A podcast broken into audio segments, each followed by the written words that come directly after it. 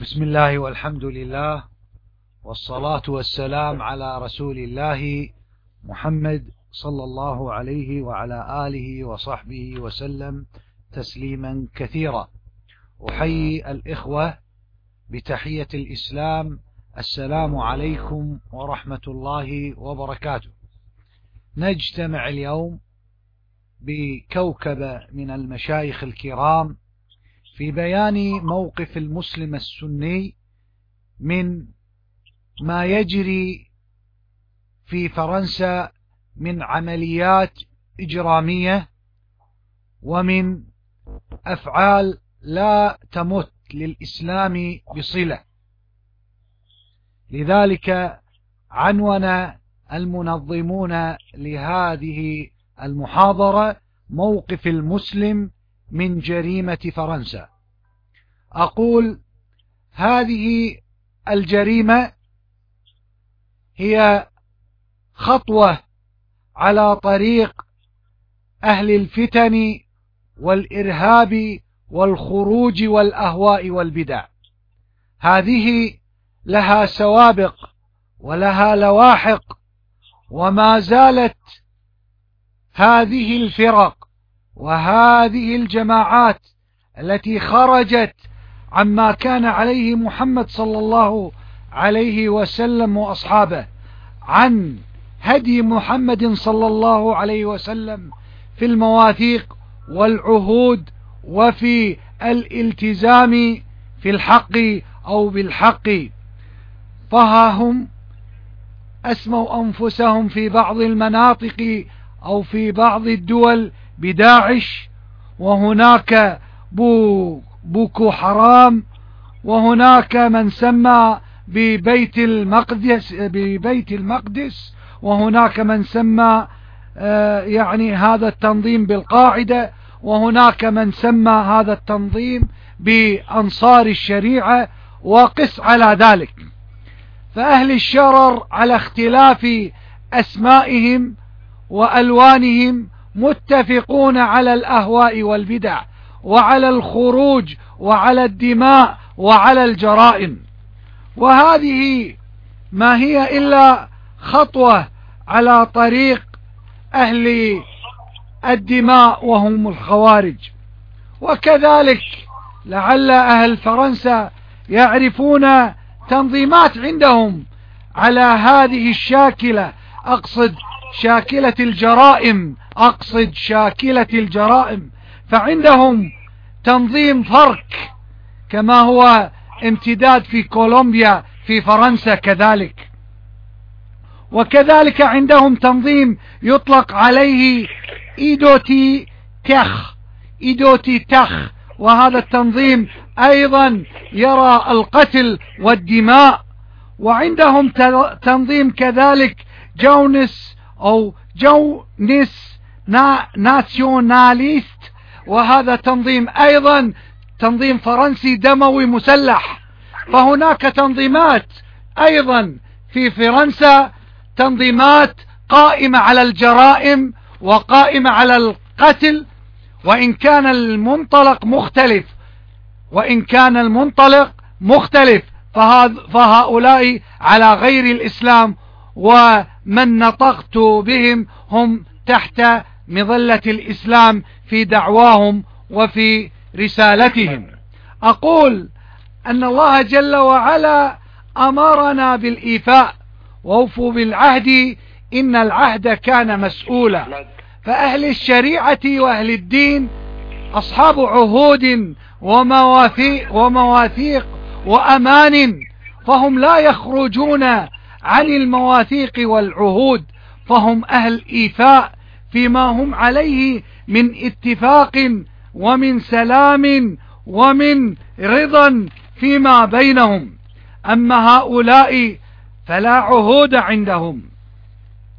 كيف لك يا من يقوم بهذه الجرائم أن تأتي إلى بلد وتظهر لهم الأمن والسلام سواء بالتحاقك بهويتهم أم بزيارتك أم باللجوء إليهم. كيف لا؟ وأنت قد أظهرت لهم هذه المعاني معاني السلم. ومن ثم تأتي بالغدر تأتي بالغدر المحرم وهو من أعظم المعاصي في دين الله تعالى. كيف لك أن تظهر العهد والأمان وأنت في سيرك إلى الهدف؟ تظهر لل... لل... لل... لأهل الطريق بأنك مسالم ومن ثم تصل إلى البغية وأنت تظهر لهم السلم ومن ثم تقوم بعملية إجرامية. هل هذا هو سنام الإسلام؟ هل هذا هو الجهاد؟ كذبت والله. أنت كاذب أنت محرف لدين الله. أنت مغير مبدل لدين الله الحق. ليس هذا هو سنام الإسلام. ليس هذا هو الجهاد. هذا غدر والعياذ بالله. لذلك فالشريعة جعلت لأمثال هؤلاء لواء لواء الغدر يوم القيامة للغادر الذي يظهر الأمان للناس ثم يغدر في أمانه وفي عهده فهو لا يوفي العهد. إن هذا الهدي إن هذا الهدي يستحق من ارتضى هذا الطريق تحت مسمى الجهاد أن ينصب له لواء غدر يوم القيامة. هذا من الجرائم هذا من الظلم هذا من النقص وهذا من نقض العهد. ولذلك يقول النبي صلى الله عليه وسلم فيما صححه الألباني يقول النبي صلى الله عليه وسلم من نقض قو ما نقض قوم العهد إلا سلط الله عليهم عدوهم.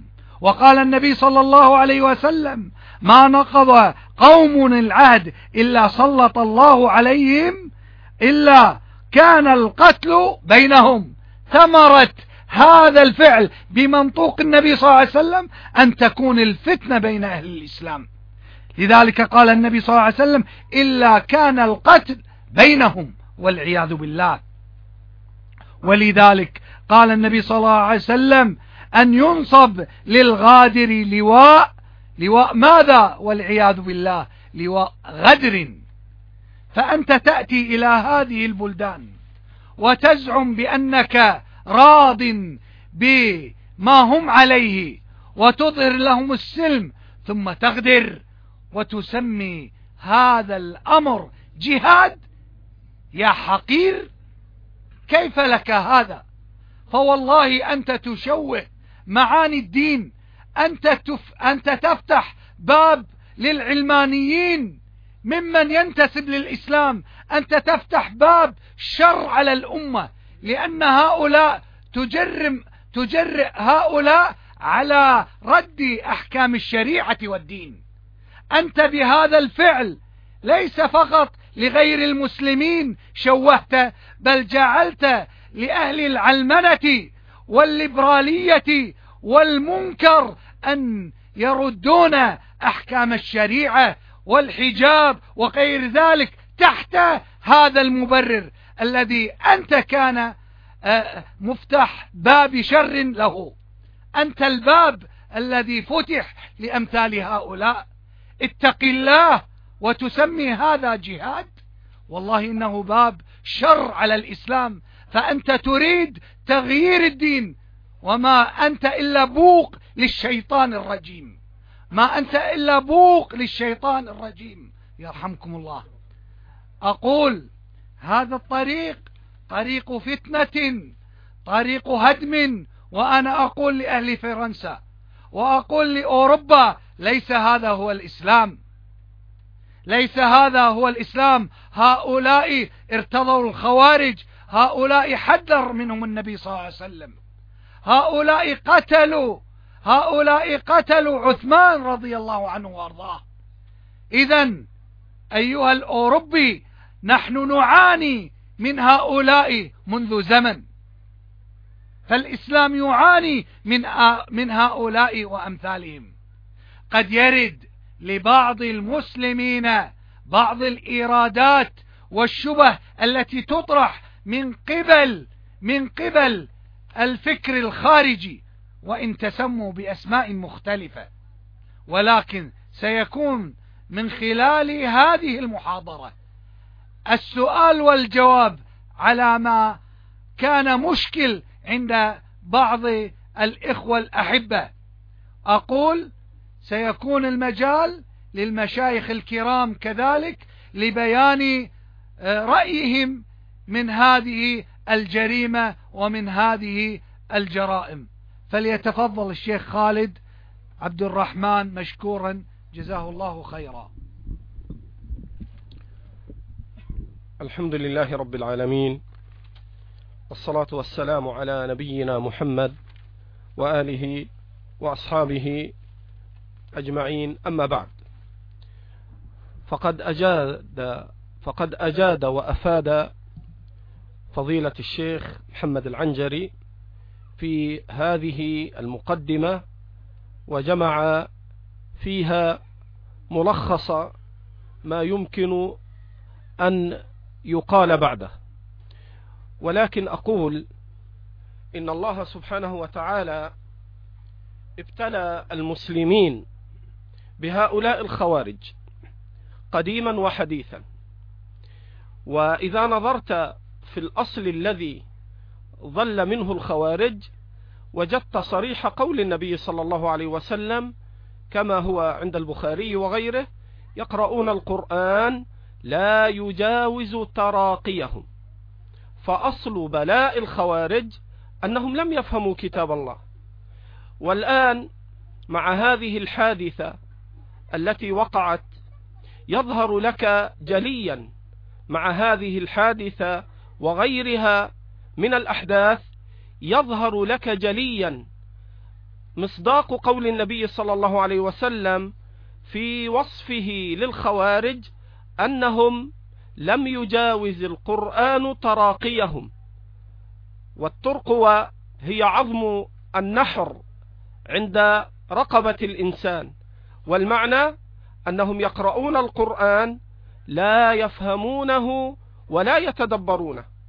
فهؤلاء لو أنهم تأملوا كتاب ربهم عز وجل في صنيعهم الذي هو صنيع الجهال الدجاجلة الذين يفسدون ويحسبون أنهم يحسنون صنعا. فإن الله عز وجل جعل آيات من كتابه في مسائل الجهاد في سبيل الله. وهم لا يفهمون الجهاد الشرعي إنما هم يفهمون القتال الذي هو فتنة وفساد على الدين وأهله. ولذلك لما قال الرجل لابن عمر يا أبا عبد الرحمن ألا تجاهد؟ فإن الله يقول وقاتلوهم حتى لا تكون فتنة ويكون الدين لله. فقال ابن عمر أما نحن فقاتلنا حتى لا تكون فتنة وأما أنت وأصحابك فإنما تقاتلون حتى تكون فتنة. فالمقصود أن الله جل وعلا يقول في كتابه معلما عباده ما يتعلق بأحكام الجهاد مع غير المسلمين قال الله جل وعلا وإما تخافن من قوم خيانة فانبذ إليهم على سواء. ومعنى هذا كما قال المفسرون كابن كثير وغيره أي إذا كان بينك وبين غير المسلمين عهد وميثاق. ثم ظهر من هؤلاء المعاهدين شيء مما يدل على بوادر نقضهم للعهد ويدل على عدم وفائهم بما عاهدوا عليه المسلمين ووجدت قرائن ذلك وهو الخوف. وإما تخافن من قوم خيانة. فإذا ظهر بوادر هؤلاء الذين لهم عهد مع المسلمين فخيف من نقضهم العهد مع وجود القرائن التي تستلزم هذا الخوف ماذا قال الله؟ وإما تخافن من قوم خيانة فانبذ إليهم على سواء. أي أعلمهم أن العهد والميثاق الذي بينك وبينهم هو منقوض وأنك أصبحت غير ملتزم بهذه المعاهدات والمواثيق. بعد ذلك قد صرت أنت وهم في العلم بعدم العهد وبعدم الميثاق صرتم سواء. وهذا معنى قول ربنا عز وجل فانبذ إليهم على سواء قال أهل العلم أي فانبذ إليهم ما بينك وبينهم من, المع... من المواعيد ومن العهود والمواثيق حتى أنت وهم تكونون في عدم وجود العهد والميثاق يكون علمكم فيه سواء. أما أنك إذا خشيت من قوم خيانة تنقض العهد قبل أن تعلمهم هذا ليس من دين الإسلام. وهذه الآية أصل في هذا الباب. وإما تخافن من قوم خيانة فانبذ إليهم على سواء. وانظر ما جاء في صحيح مسلم. موافقا ومفسرا ومؤكدا للآية. من حديث حذيفة بن اليمان رضي الله عنه. قال حذيفة ما منعني أن أحضر بدرا يبين عذره لماذا لم يحضر غزوة بدر؟ قال حذيفة ما منعني أن أحضر بدرا إلا أني خرجت وأبي إلى المدينة نقصد رسول الله صلى الله عليه وسلم فلقينا المشركون فقالوا لنا أنتم تريدون أن تأتوا محمدا؟ قال حذيفة فقلت ما أردنا إلا أن نأتي المدينة. قال حذيفة فأخذوا علينا العهد أخذوا علينا عهد الله وميثاقه أننا لا نقاتل مع محمد. أخذوا علينا عهد الله وميثاقه أننا لا نقاتل مع محمد. قال حذيفة فقدمنا المدينة فأخبرت رسول الله صلى الله عليه وسلم بما قالوه وأنهم أخذوا علينا العهد والميثاق أن لا نقاتل مع رسول الله. فقال عليه الصلاة والسلام وهنا هدي نبينا صلى الله عليه وسلم مع الكفار المقاتلين الذين يرفعون السيف ويريدون الحرب معه ولكنهم أخذوا العهد على هؤلاء أن لا يشاركوا في القتال. مع أن المشركين في هذا الوقت حين أخذهم العهد كانوا محاربين مقاتلين وهذا الذي منع حذيفة أن يشارك في غزوة بدر. فقال صلى الله عليه وسلم فو أوفوا لهم بعهدهم ونستعين الله عليهم. أوفوا لهم بعهدهم ونستعين الله عليهم. ولم يقاتل حذيفة. مع رسول الله صلى الله عليه وسلم مع حوجة النبي صلى الله عليه وسلم للمسلمين في بدر حيث كان عدد المسلمين ما يقارب ثلث عدد المشركين مع أنها من أوائل أو أول غزوة ومع حاجة النبي صلى الله عليه وسلم لذلك ومع أن هؤلاء المشركين أخذوا العهد حال كونهم محاربين ومع ذلك فالنبي صلى الله عليه وسلم أوفى بذمة وبعهد هذان وأمر النبي صلى الله عليه وسلم أن لا يقاتل حذيفة ولا أبوه مع النبي عليه الصلاة والسلام. وهذا الذي طبقه عليه الصلاة والسلام هو ما دل عليه كتاب الله. قال الله جل وعلا والذين آمنوا ولم يهاجروا ما لكم من ولايتهم من شيء. وإن استنصروكم في الدين فعليكم النصر. إلا على قوم بينكم وبينهم ميثاق. قال أهل العلم كابن كثير والطبري وأئمة السلف قبلهما في قوله تعالى والذين آمنوا ولم يهاجروا ما لكم من ولايتهم من شيء حتى يهاجروا وإن استنصروكم في الدين. قال أهل العلم إن اعتدى الكفار على هؤلاء المؤمنين الذين لم يهاجروا فعليكم النصر.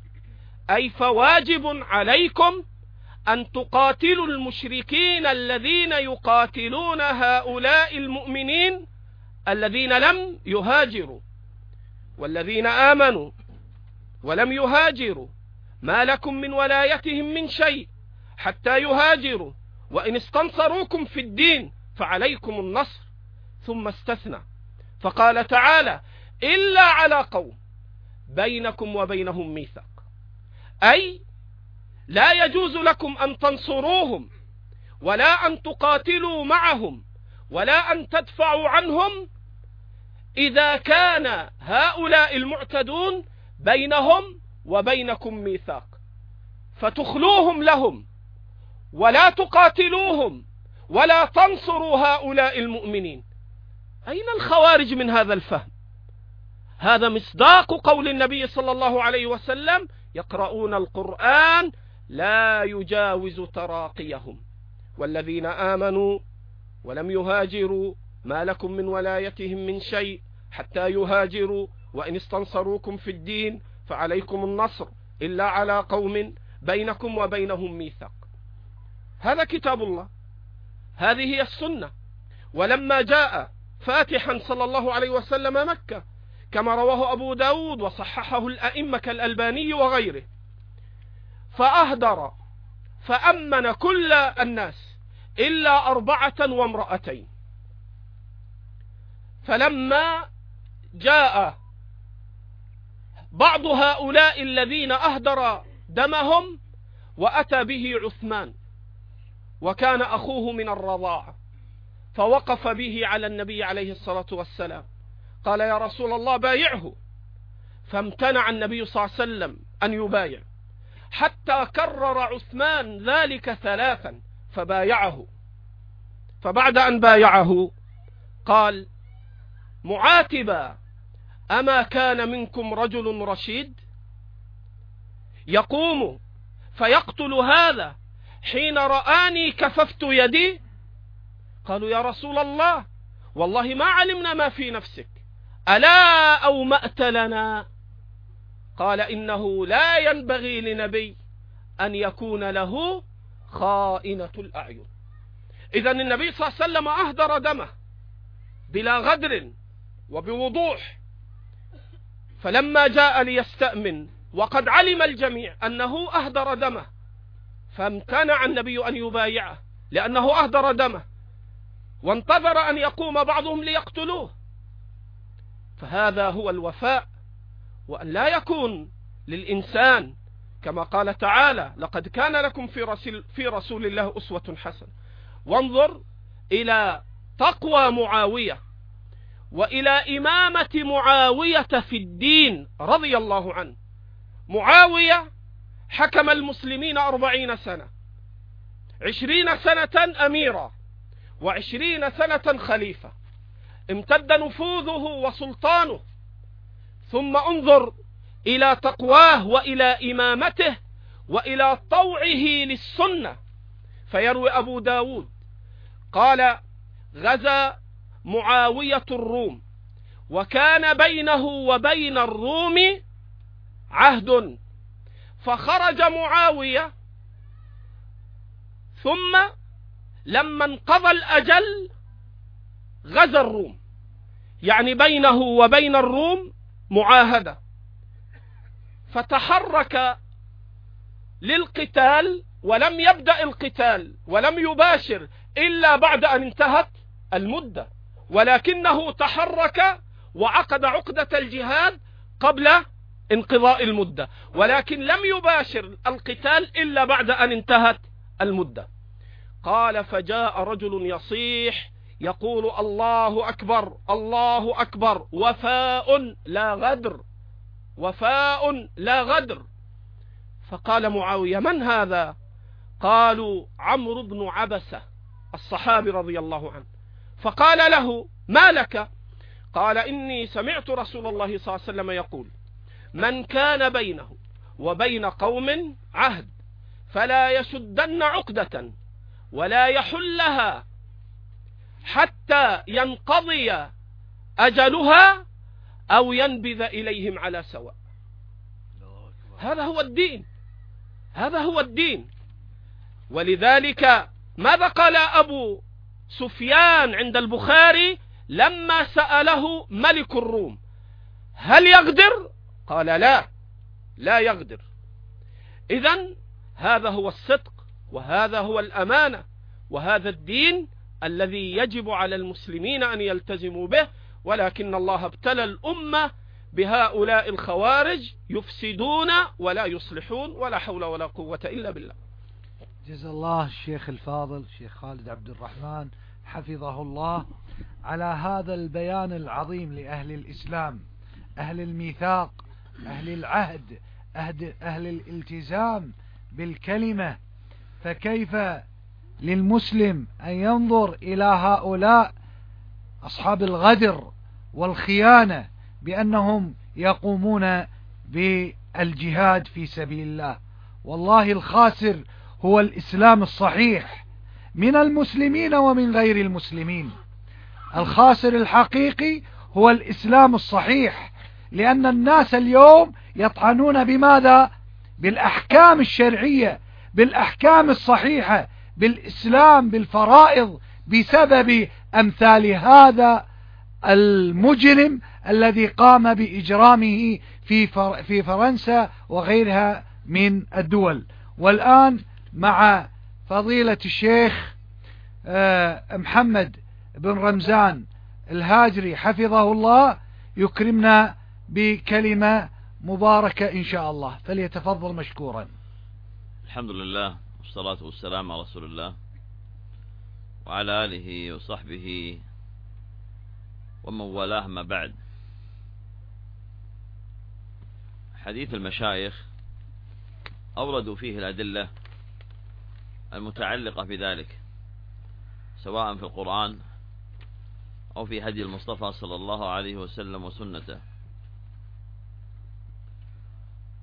وأنبه لآخر ما ذكره الشيخ خالد عندما سئل عن النبي صلى الله عليه وسلم أبو سفيان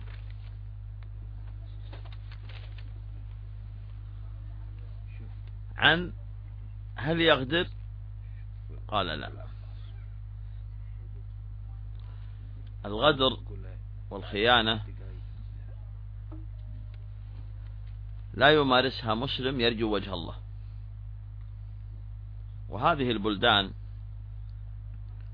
سواء البلاد الإسلامية أو البلاد الأوروبية أو عموم بلاد الدنيا كل بلاد لها نظم ولها مواثيق. فمن كانوا فيها من أبنائها يعرفون ذلك بموجب الجنسية وعقد الجنسية فيها وعهودها. ومن يأتيها زائر يعرف هذا بموجب ما يسمى بالفيزا ونظامها وشروطها. هذه هي المواثيق هذه هي هي العهود. المسلم وفي لا يغدر.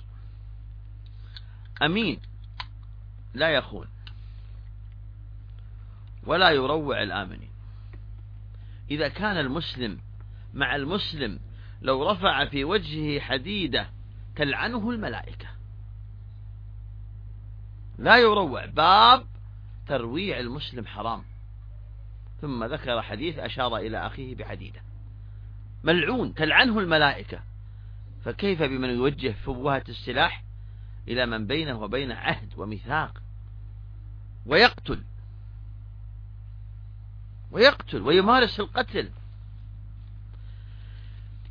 حديثنا عن فعل هؤلاء يبين للعالم أجمع. أن ديننا يبرأ من هذا. وإني من خلال هذه الكلمة أبرأ إلى الله من فعل مثل هؤلاء. ويقولها كل مسلم سني يرجو من الله ثوابا ومغنما.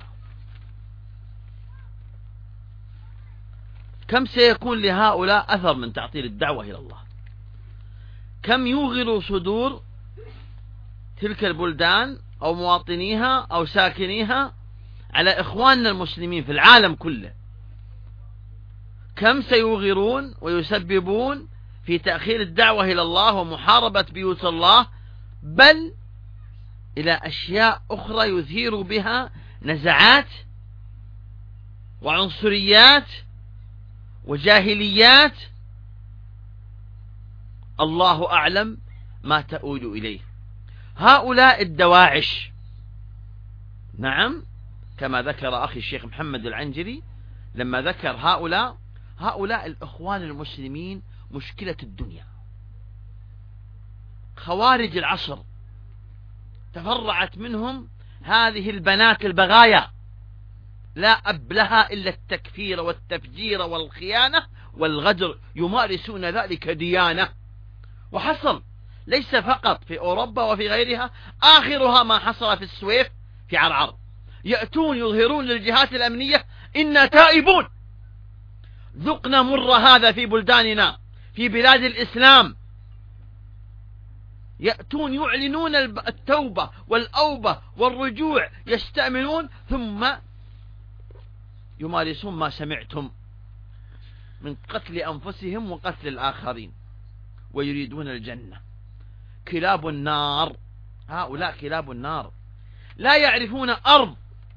كل الأراضي عندهم مستباحة. لا يعرفون دم كل الدماء عندهم مستباحة. لا يعرفون عرض كل الأعراض عندهم مستباحة. لا يعرفون مال كل الأموال لهم مستباحة. استباحوا كل شيء لأنهم لا يرون في الدنيا إلا هم. هذه نظرة الخوارج باختصار. أقول قولي هذا وصلى الله وسلم على محمد. جزاك الله خير.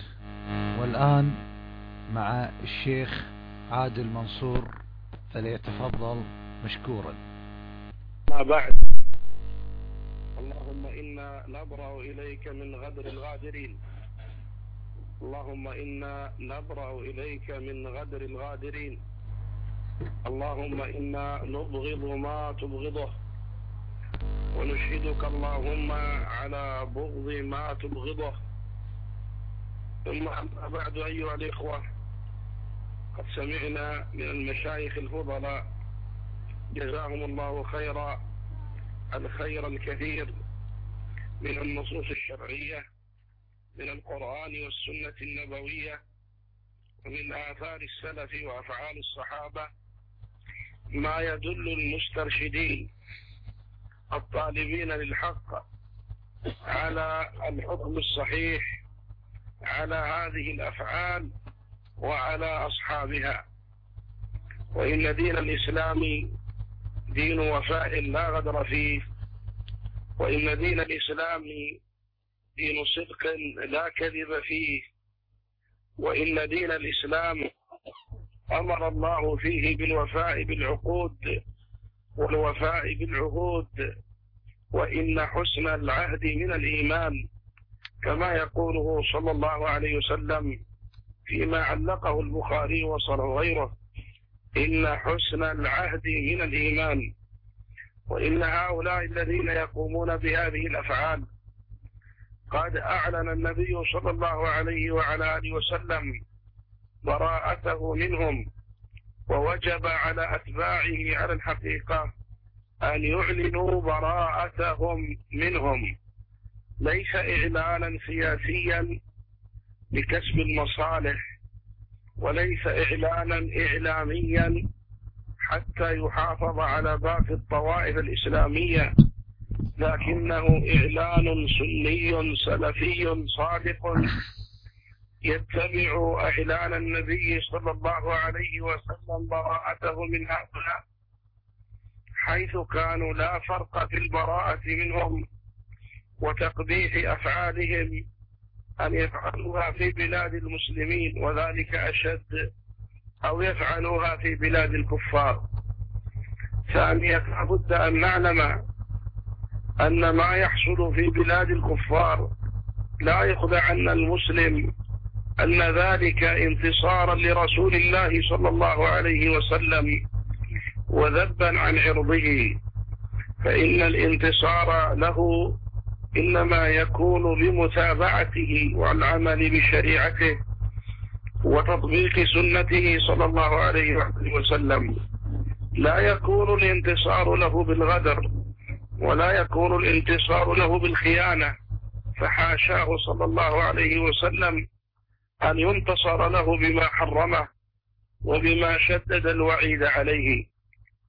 ولقد ذكر أئمة الإسلام وفقهاء وفقهاء الشرع على أن الأمان يحصل سواء للمسلم إذا دخل أرض الكفار أو من الكافر للكافر إذا دخل بلاد المسلمين. ويحصل الأمان بأدنى شيء يفهم الناس منه أنه الأمان. ولو لم يقصده الرجل فكيف فيما كان أمانا متفقا عليه بين هذه الدول بين هذه الدول الإسلامية وغيرها؟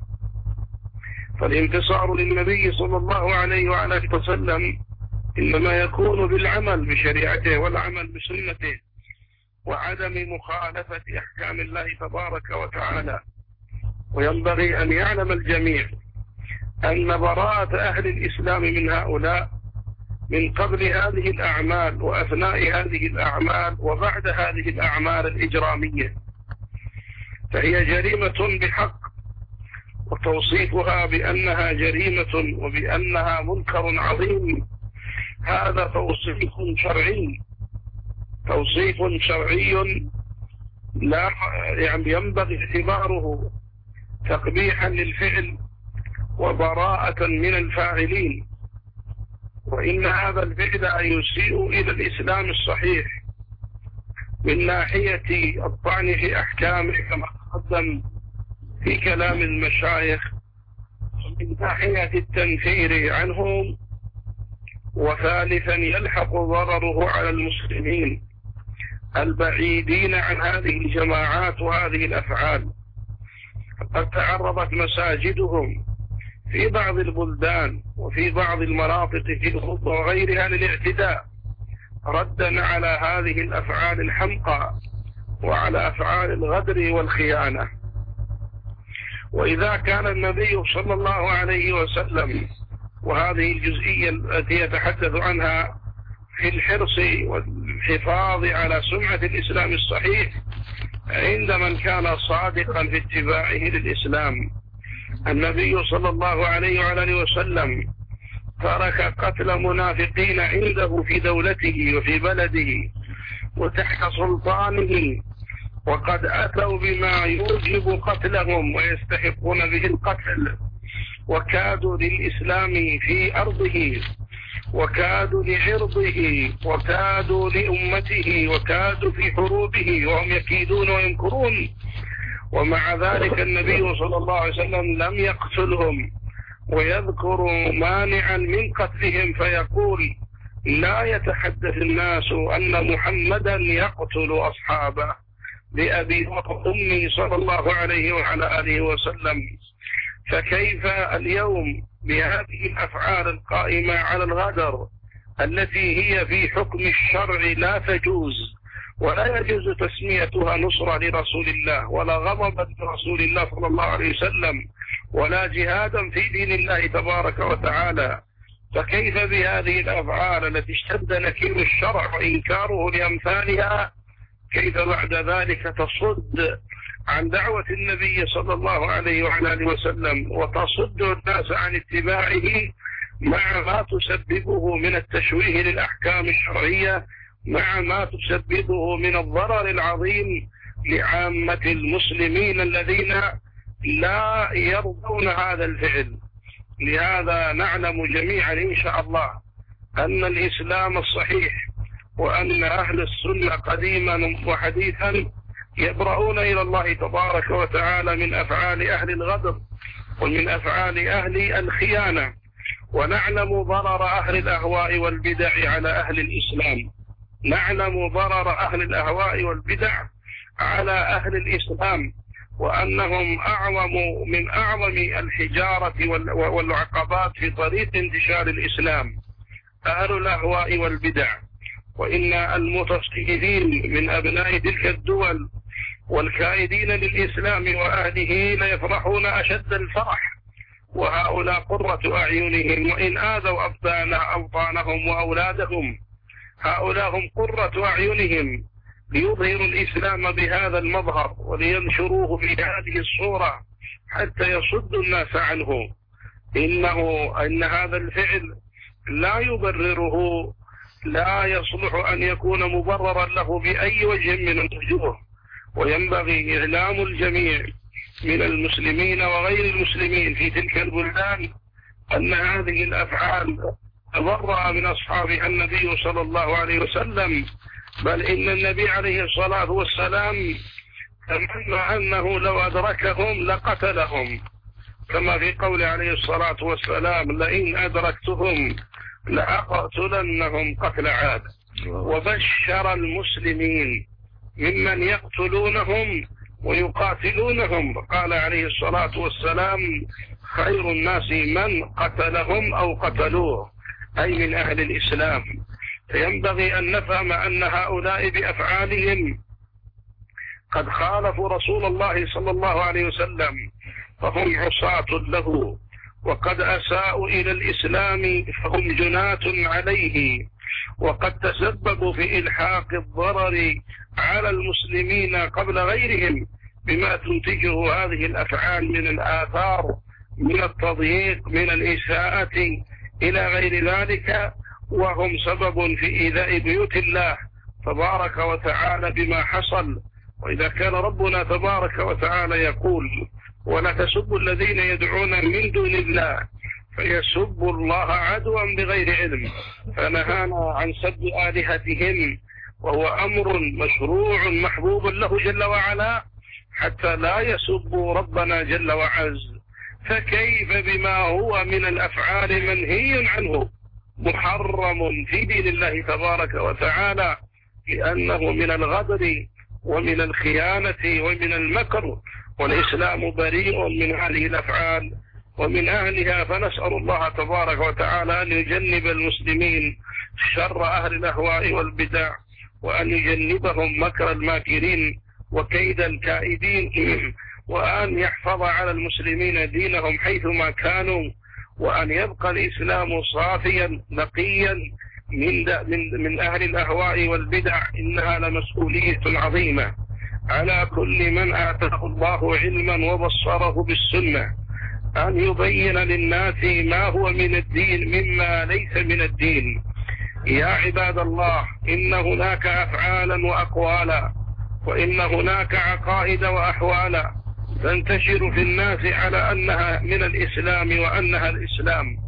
والله إنا من أعظم النعم من أعظم الواجبات. وإن من أجل القربات وإن من أجل وأرفع أنواع الجهاد اليوم أن نبين للناس ما هو من الإسلام الصحيح وما هو ليس من الإسلام الصحيح. فهذا من أعظم ما تقدمه أي طالب العلم. ويا من آتاه الله بصيرة من أعظم ما تقدمه لدينك ولأمتك وللأجيال القادمة من أبناء هذه الأمة ولغيرهم. فإن من الرحمة للبشرية كلها أن يظهر ويعرض عليها الإسلام كما أنزل على محمد صلى الله عليه وسلم. إن من الرحمة للبشرية كلها أن يعرض الإسلام والإسلام كما كان عليه النبي صلى الله عليه وسلم وأصحابه وقد طهر وصفي من هذه. من هذه الضلالات وكما قال صلى الله عليه وسلم فيما رواه مسلم من حديث أبي هريرة والذي نفسي بيده لا يسمع بي أحد من هذه الأمة يهودي ولا نصراني ثم لا يؤمن بي إلا أدخله الله النار انظروا في كلمتي لا يسمع بي إن من يسمع عن الإسلام بأفعال هؤلاء لم يسمع به صلى الله عليه وسلم. لم يسمع به على الحقيقة. لا بد من القيام بإظهار محمد صلى الله عليه وسلم على صورته التي أكرمه الله تبارك وتعالى بها. من وفائه بالعهد ومن نهيه عن الغدر ومن بيان غرضه من جهاده ومن بيان حكمة ما شرعه الله تبارك وتعالى من الأحكام. فإن هذا من أعظم الجهاد نسأل الله عز وجل أن يوفق علماء السنة وطلاب العلم من أهل السنة. فإنهم هم الجديرون والحقيقون بهذا الواجب العظيم أعانهم الله. أن يميزوا للناس وأن يخلصوا للناس الدين الصحيح الذي كان عليه النبي صلى الله عليه وسلم وأصحابه مما أدخل فيه من, أه أهواء من أهواء أهل الأهواء. وبدع المبتدعين وتحريفات المحرفين وإن ربنا لسميع الدعاء والحمد لله رب العالمين. جزا الله الشيخ أبو العباس شيخ عادل على هذه الكلمة. أقول ذمة المسلم أو ذمة المسلمين واحدة يسعى بها أدناهم لذلك هناك اعتبار عند أهل الشريعة والدين بمسألة الأمن والأمان فلذلك الشريعة تعتبر إذا أمن المؤمن أو المسلم الكافر ولو بإشارة فإن لهذا اعتبار في ميزان الشريعة. على خلاف ما نراه اليوم من هدي هؤلاء الخوارج. أود أن أطرح أسئلة عند البعض محرجة ولكنها أسئلة الغاية من ذكرها إبعاد الشبه والإيرادات التي يوردها هؤلاء على أذهان الشباب المسلم. ولذلك ستكون هذه الأسئلة لها معاني عميقة وأبعاد مهمة في أذهان الشبيبة سواء في بلاد المسلمين أو في غير بلاد المسلمين. السؤال الأول. للشيخ خالد عبد الرحمن. إن قال قائل فإن هؤلاء ارتكبوا ما يوجب قتلهم لطعنهم بالنبي صلى الله عليه وسلم. فما المانع من قتل من يطعن بالنبي صلى الله عليه وسلم؟ فإذا رجل من هؤلاء من غير المسلمين قام بسب الله جل وعلا أو بسب الإسلام أو طعن بالنبي صلى الله عليه وسلم ألا يجب من الشاب المسلم في أوروبا القيام بقتله فكيف نجيب على هذا السؤال؟ الحمد لله والصلاة والسلام على رسول الله وبعد. لا شك أن المنحرفين من أهل البدع قديما وحديثا إنما هو سبب انحرافهم شبهات شبهات ركبت في قلوبهم لجهلهم. وأما ما يتعلق بالسؤال فقد سمعتم آنفا كلمة شيخنا أبي العباس الفاضل عادل بن منصور وفقه الله وسدده ونفع الله به. سمعتم في ضمن استدلاله استدلاله بحديث البخاري. وقال فضيلة الشيخ أبو العباس قال إن النبي صلى الله عليه وسلم وكان تحت حكم دولته هذا المنافق عبد الله ابن أبي بن سلول ووقع منه ما يوجب قتله. فلما استؤذن النبي صلى الله عليه وسلم في قتله إذ قد ارتكب ما يوجب قتله. قال لا يتحدث الناس أن محمدا يقتل أصحابه. وكان هذا المنافق مع النبي صلى الله عليه وسلم وفي دولته والنبي صلى الله عليه وسلم هو الممكن والقوي وهذا ضعيف إذا قورن بشوكة النبي صلى الله عليه وسلم ودولته. ومع ذلك ترك قتله مع كونه مستحقا له لما يترتب على ذلك من المفسدة الأعظم. فإذا كان هذا مع شوكة النبي صلى الله عليه وسلم وقوته فاعتبار باب المصالح والمفاسد أصل من أصول الشريعة ومن ذلك قوله ولا تسبوا ولا تسبوا الذين يدعون من دون الله فيسبوا الله عدوا بغير علم. هذا الباب الأول. فليس كل من وجب أو استوجب فعله قتله يلغى اعتبار المصالح والمفاسد فيه. هذا واحد. ثانيا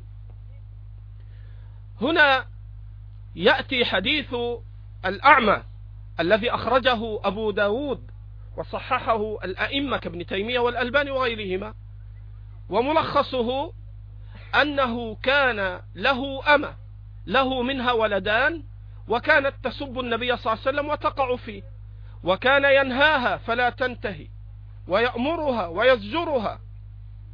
ثم لما وقعت في النبي صلى الله عليه وسلم يوما فقام الرجل فقتلها.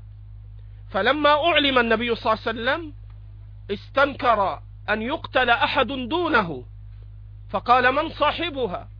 فقام الرجل في الصلاة يشق الصفوف يتمايل قال يا رسول الله والله إنها كانت بارة بي ولي منها ولدان كاللؤلؤتين ولكنها كانت تقع فيك وأنهاها فلا تنتهي إلى أن أبدى عذره. فقال صلى الله عليه وسلم ألا اشهدوا أن دمها هدر. قال شيخ الإسلام ابن تيمية مبينا فقه هذا الحديث. قال أن النبي صلى الله عليه وسلم استنكر أن يقام الحد دونه وأن لا يرجع إليه. وهذا افتئات على ولي الأمر إن كان في ديار الإسلام. فإن كان في غير ديار الإسلام فإنه ليس من قدرتك ولا مما أتاح الشرع لك أن تصنع ذلك. فإن الصحابة رضي الله عنهم الذين كانوا مستضعفين ومكثوا في مكة ولم يقدروا على الهجرة كانوا يسمعون ليل نهار من مشركي مكة سب الله وسب رسوله ويرون ذلك عيانا بيانا ولكنهم لم يفتحوا هذا الباب ولا التجأوا إليه ولا قاتلوا هؤلاء المشركين بذلك لما علموه من قواعد الشرع وأن الأمر في ذلك يرجع إلى ولاة أمر المسلمين كما جاء في صحيح البخاري ومسلم من حديث أبي هريرة وإنما الإمام جنة يقاتل من ورائه ويتقى به وعند أبي داود يقاتل به وبوب عليه الإمام أبو داود قال باب يقاتل باب يستجن بالإمام في العهود. لذلك النبي صلى الله عليه وسلم ما شرع ذلك لأصحابه في مكة وكان بعضهم يستطيع أن يفعل ذلك. بل تأمل ما جاء في البخاري ومسلم. يقول ابن مسعود سجد رسول الله صلى الله عليه وسلم. فقال أبو جهل من يقوم منكم فيأتي بسلى جزور بني فلان فيضعه عليه. قال فقام الأبعد فقام أشقاهم فأتى بسلى الجزور فوضعه بين كتفي النبي صلى الله عليه وسلم وهو ساجد. قال ابن مسعود وأنا قائم لا أفعل شيئا ليس لي منع. هذا ابن مسعود رضي الله عنه. النبي يهان ويوضع بين كتفيه وهو يعبد ربه في السجود سل الجزور. قال ابن مسعود فلم يرفع رأسه حتى أتت فاطمة ونزعت عنه ذلك. هذا ابن مسعود فقيه الأمة الفقيه الصحابي الذي النبي صلى الله عليه وسلم يثني عليه وعلى علمه وأنه من أعلم الصحابة. ومع ذلك واقف واقف ويرى ما يهان به النبي صلى الله عليه وسلم ولم يقدم ولم يؤخر شيئا. كل ذلك من أبواب اعتبار الشرع وما يراعى في ذلك مما هو من سلطة ولي الأمر من جهة وما يراعى من ذلك من جهة تحريم الغدر وما يراعى من ذلك من جهة أن الذي يقوم بذلك لا بد أن ينظر في المصالح والمفاسد إذا توفرت شروط ذلك. وهذا كله مفقود فيما يفعله هؤلاء الدجاجلة حفظنا الله من فتنتهم. نعم. السؤال الثاني موجه الشيخ بن رمزان الهاجري. هل فرنسا أو بريطانيا أو أمريكا دار حرب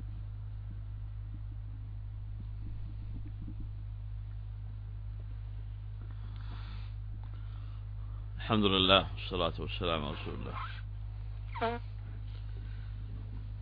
يقول شيخ الإسلام ابن تيمية الدار باعتبار أهلها.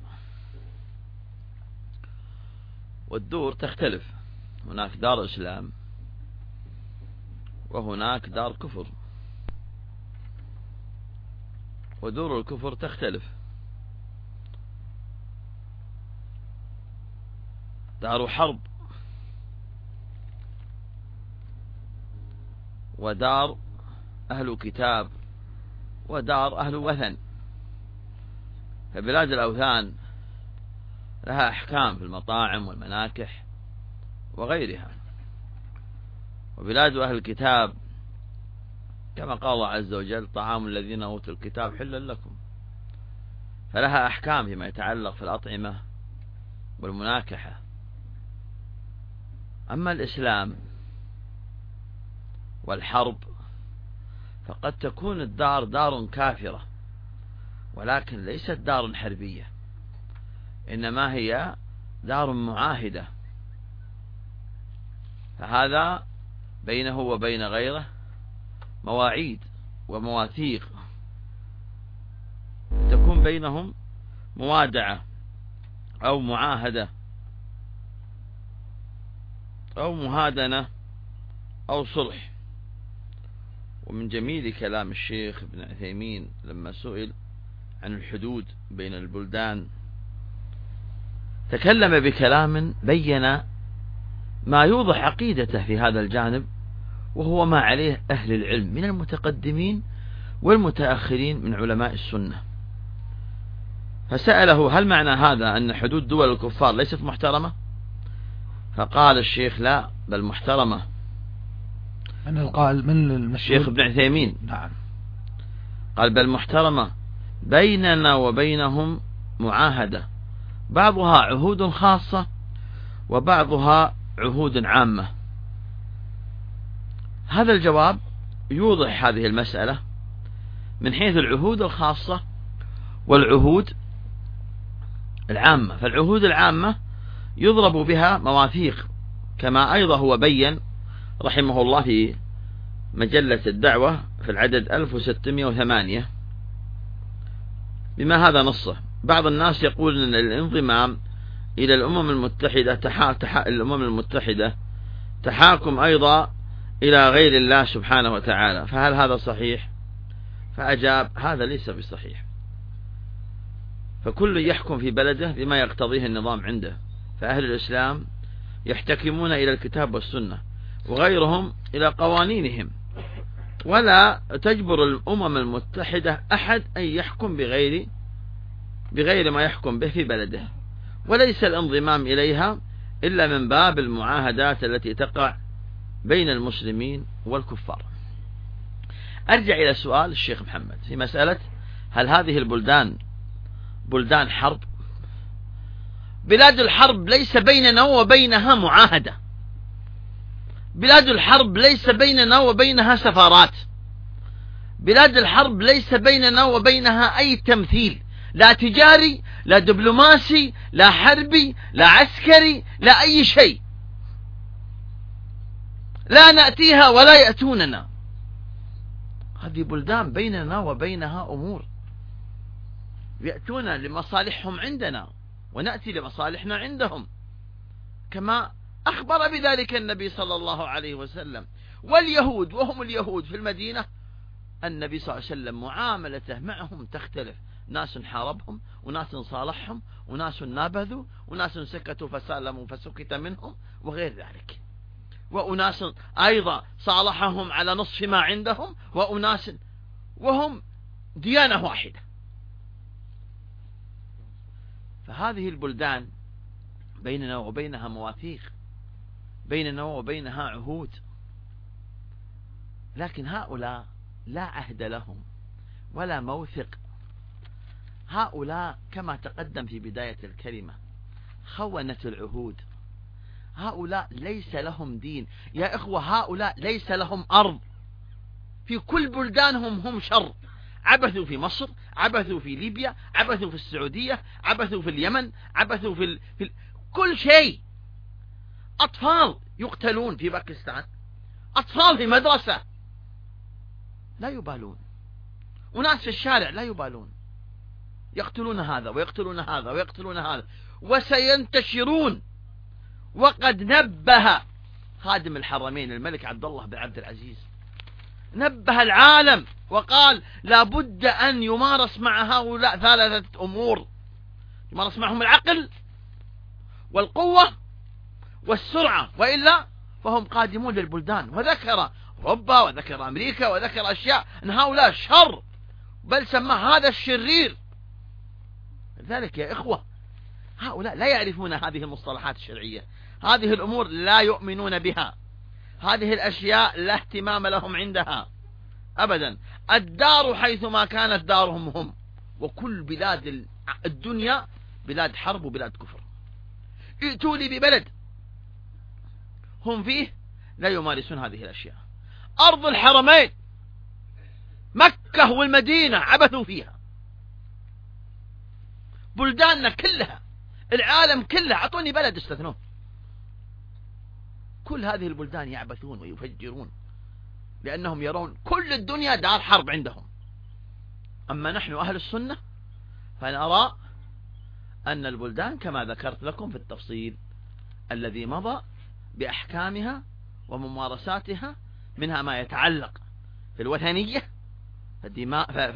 فالمطاعم والمناكح لها أحكام ومنها ما يتعلق في بلدان أهل الكتاب ولها أحكام ومنها ما يتعلق في العهود والمواثيق كدار معاهدة ودار موادعة ودار مصالحة بيننا وبينهم. وأما بلاد الحرب هي التي جعلت فوهات البنادق علينا وجعلنا فوهات البنادق عليها. نعم. جزاك الله خير. السؤال الآن للشيخ عادل منصور حفظه الله. السؤال ما واجب المسلم إذا كان في فرنسا أو كان في بريطانيا أو كان في أمريكا. تجاه هذه الجرائم والقائمين عليها الذين يقومون بالغدر والقتل وما شابه ذلك. ما واجب المسلم السني في فرنسا أو في بريطانيا أو في أمريكا أو غيرها من دول أوروبا ل يعني آه، أمثال لأصحاب هذه الجرائم والقائمين بها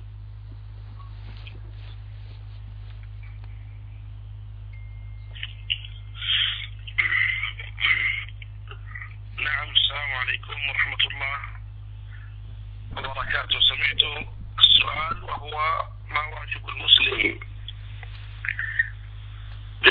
بالنسبة لمن يقوم بهذه الأفعال سواء في فرنسا أو في غيرها.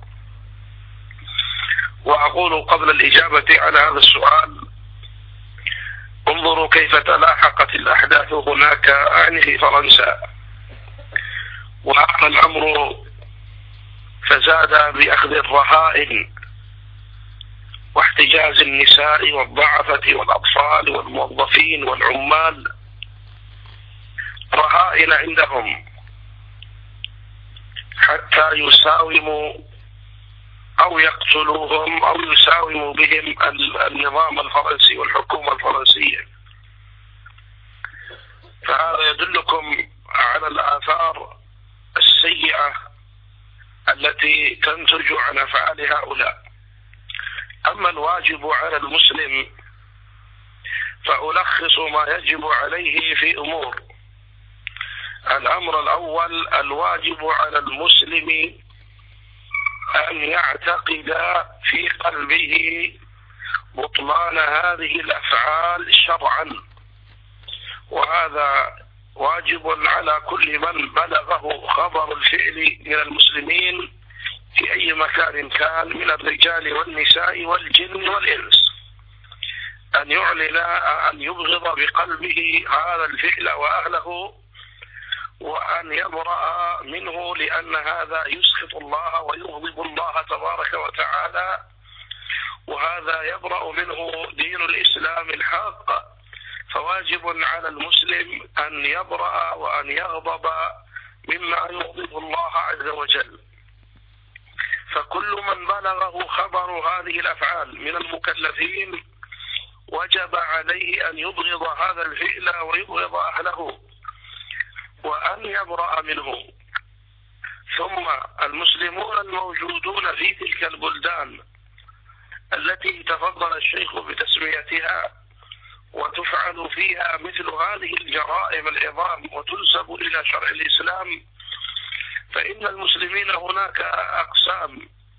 هم أقسام فمنهم الطالب العلم الداعي إلى الله تبارك وتعالى ومنهم العامل ومنهم الموظف ومنهم القادم لأمر طارئ كدراسة أو وظيفة كدراسة أو مرض أو علاج. ومنهم من قد لحق بتلك البلدان كمواطن فيها ومنهم من هو من أبنائها الأصليين. هداه الله تبارك وتعالى إلى هذا الدين الحق وعرفه الله تبارك وتعالى طريق الهداية وأعانه على سلوكه. فهم تختلف مهماتهم ومسؤولياتهم إلا أن الجميع يشترك ببراءته من هذا الفعل وبغضه لمن قام به. وكذلك على أئمة المساجد فيهم وخطبائهم ومن يملكون اللغة في تلك البلدان من يشرح لجيرانهم وأن يشرحوا لمرتادي المساجد حرمة هذه الأفعال في شرع الله تبارك وتعالى. مستدلين بنحو ما تقدم في هذه في هذا اللقاء من الأدلة الشرعية. ومناقلين للناس فتاوي العلماء ومواقف ولاة أمرهم المستنكرة لهذا الفعل.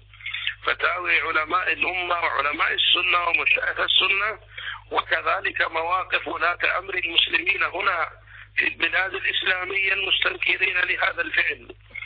ثم من قدر منهم أن يوصل صوته وأن يوصل كلامه إلى أصحاب القرار وإلى ملاك وسائل الإعلام سواء كانت مقروءة كالجرائد والمجلات أو كانت مسموعة كالإذاعات أو مرئية أو مواقع إنترنت بتلك اللغات فعليه أن يبلغ وأن يعلن لهم البراءة الإسلامية السنية النبوية السلفية من هذه الأفعال الإجرامية والأحداث الإرهابية وخطف الرهائن وسفك الدماء وترويع الآمنين وأن الإسلام الصحيح إسلام أبي بكر وعمر إسلام أحمد ومالك والشافعي إسلام الذي كان عليه ابن تيمية وابن القيم وابن عبد الوهاب الإسلام الذي عليه الألباني وابن باز والعثيمين وربيع للمدخل وغيرهم من أئمة السنة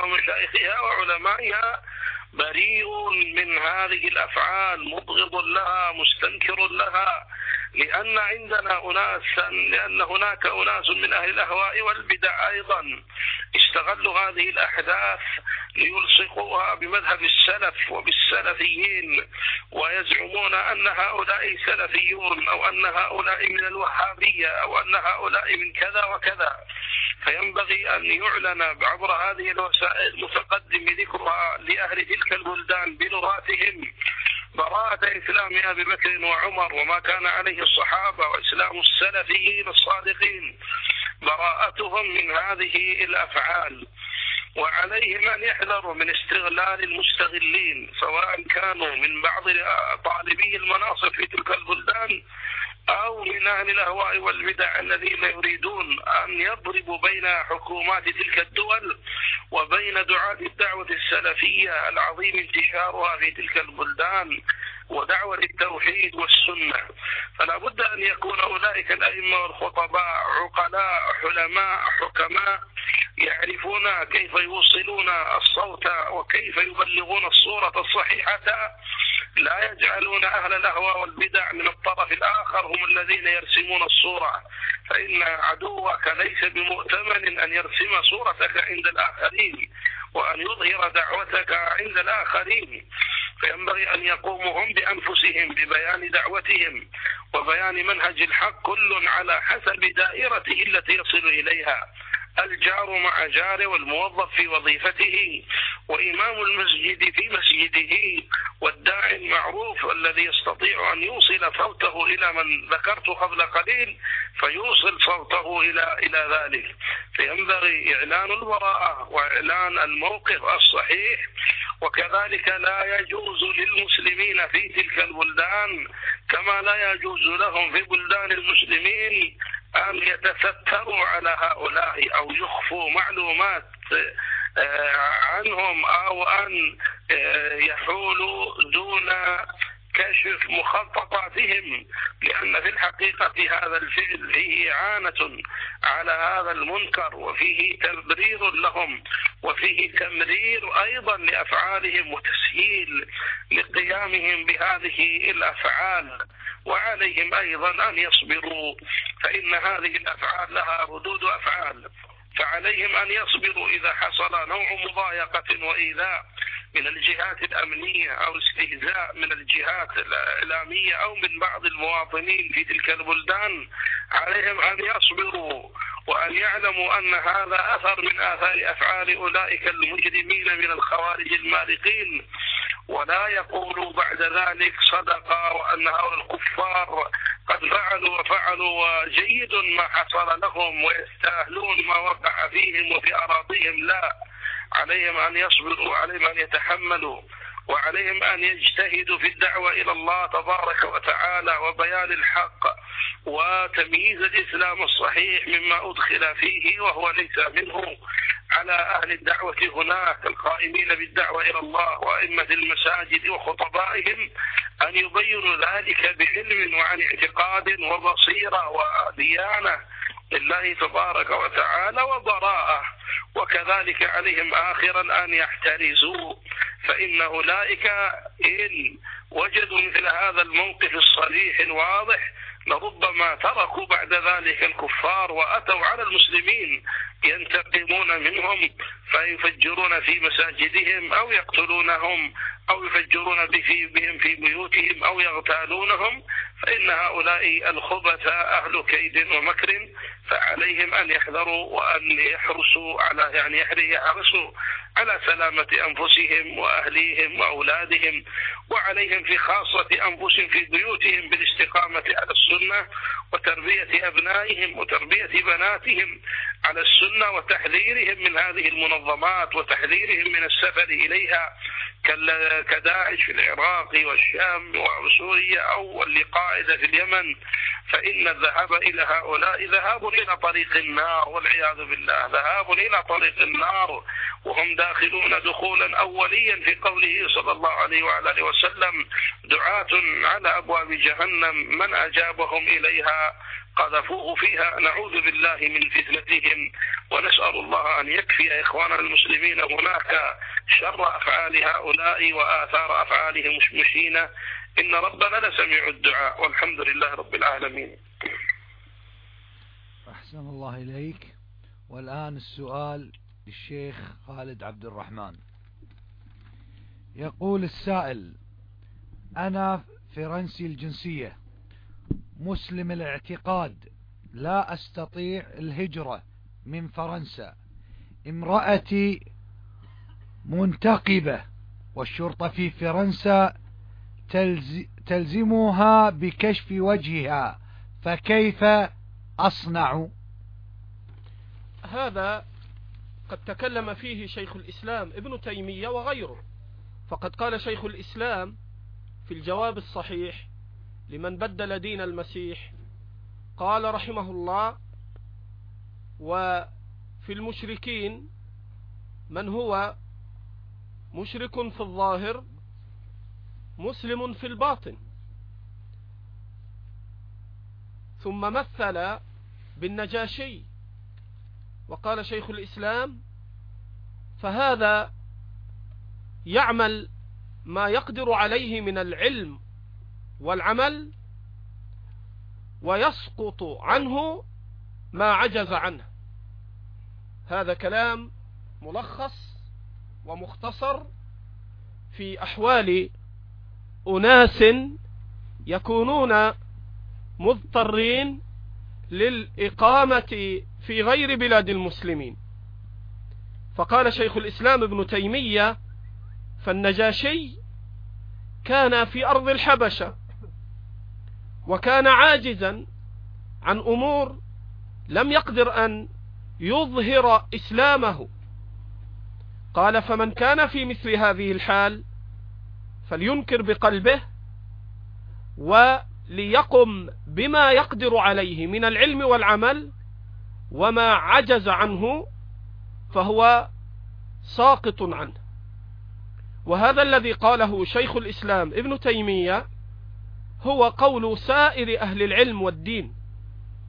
فمن كان في غير بلاد المسلمين فالواجب أن يقوم بما يستطيع من أمر الدين في نفسه وأهله وما عجز عنه أو ترتب عليه مفسدة راجحة فهذا يسقط عنه لعجزه وعدم قدرته.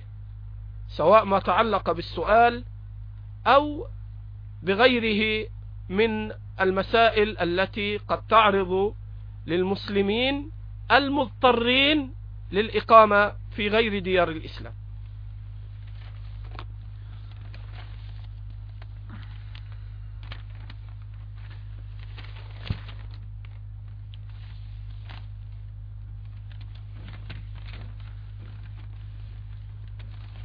السؤال موجه للشيخ محمد بن رمزان.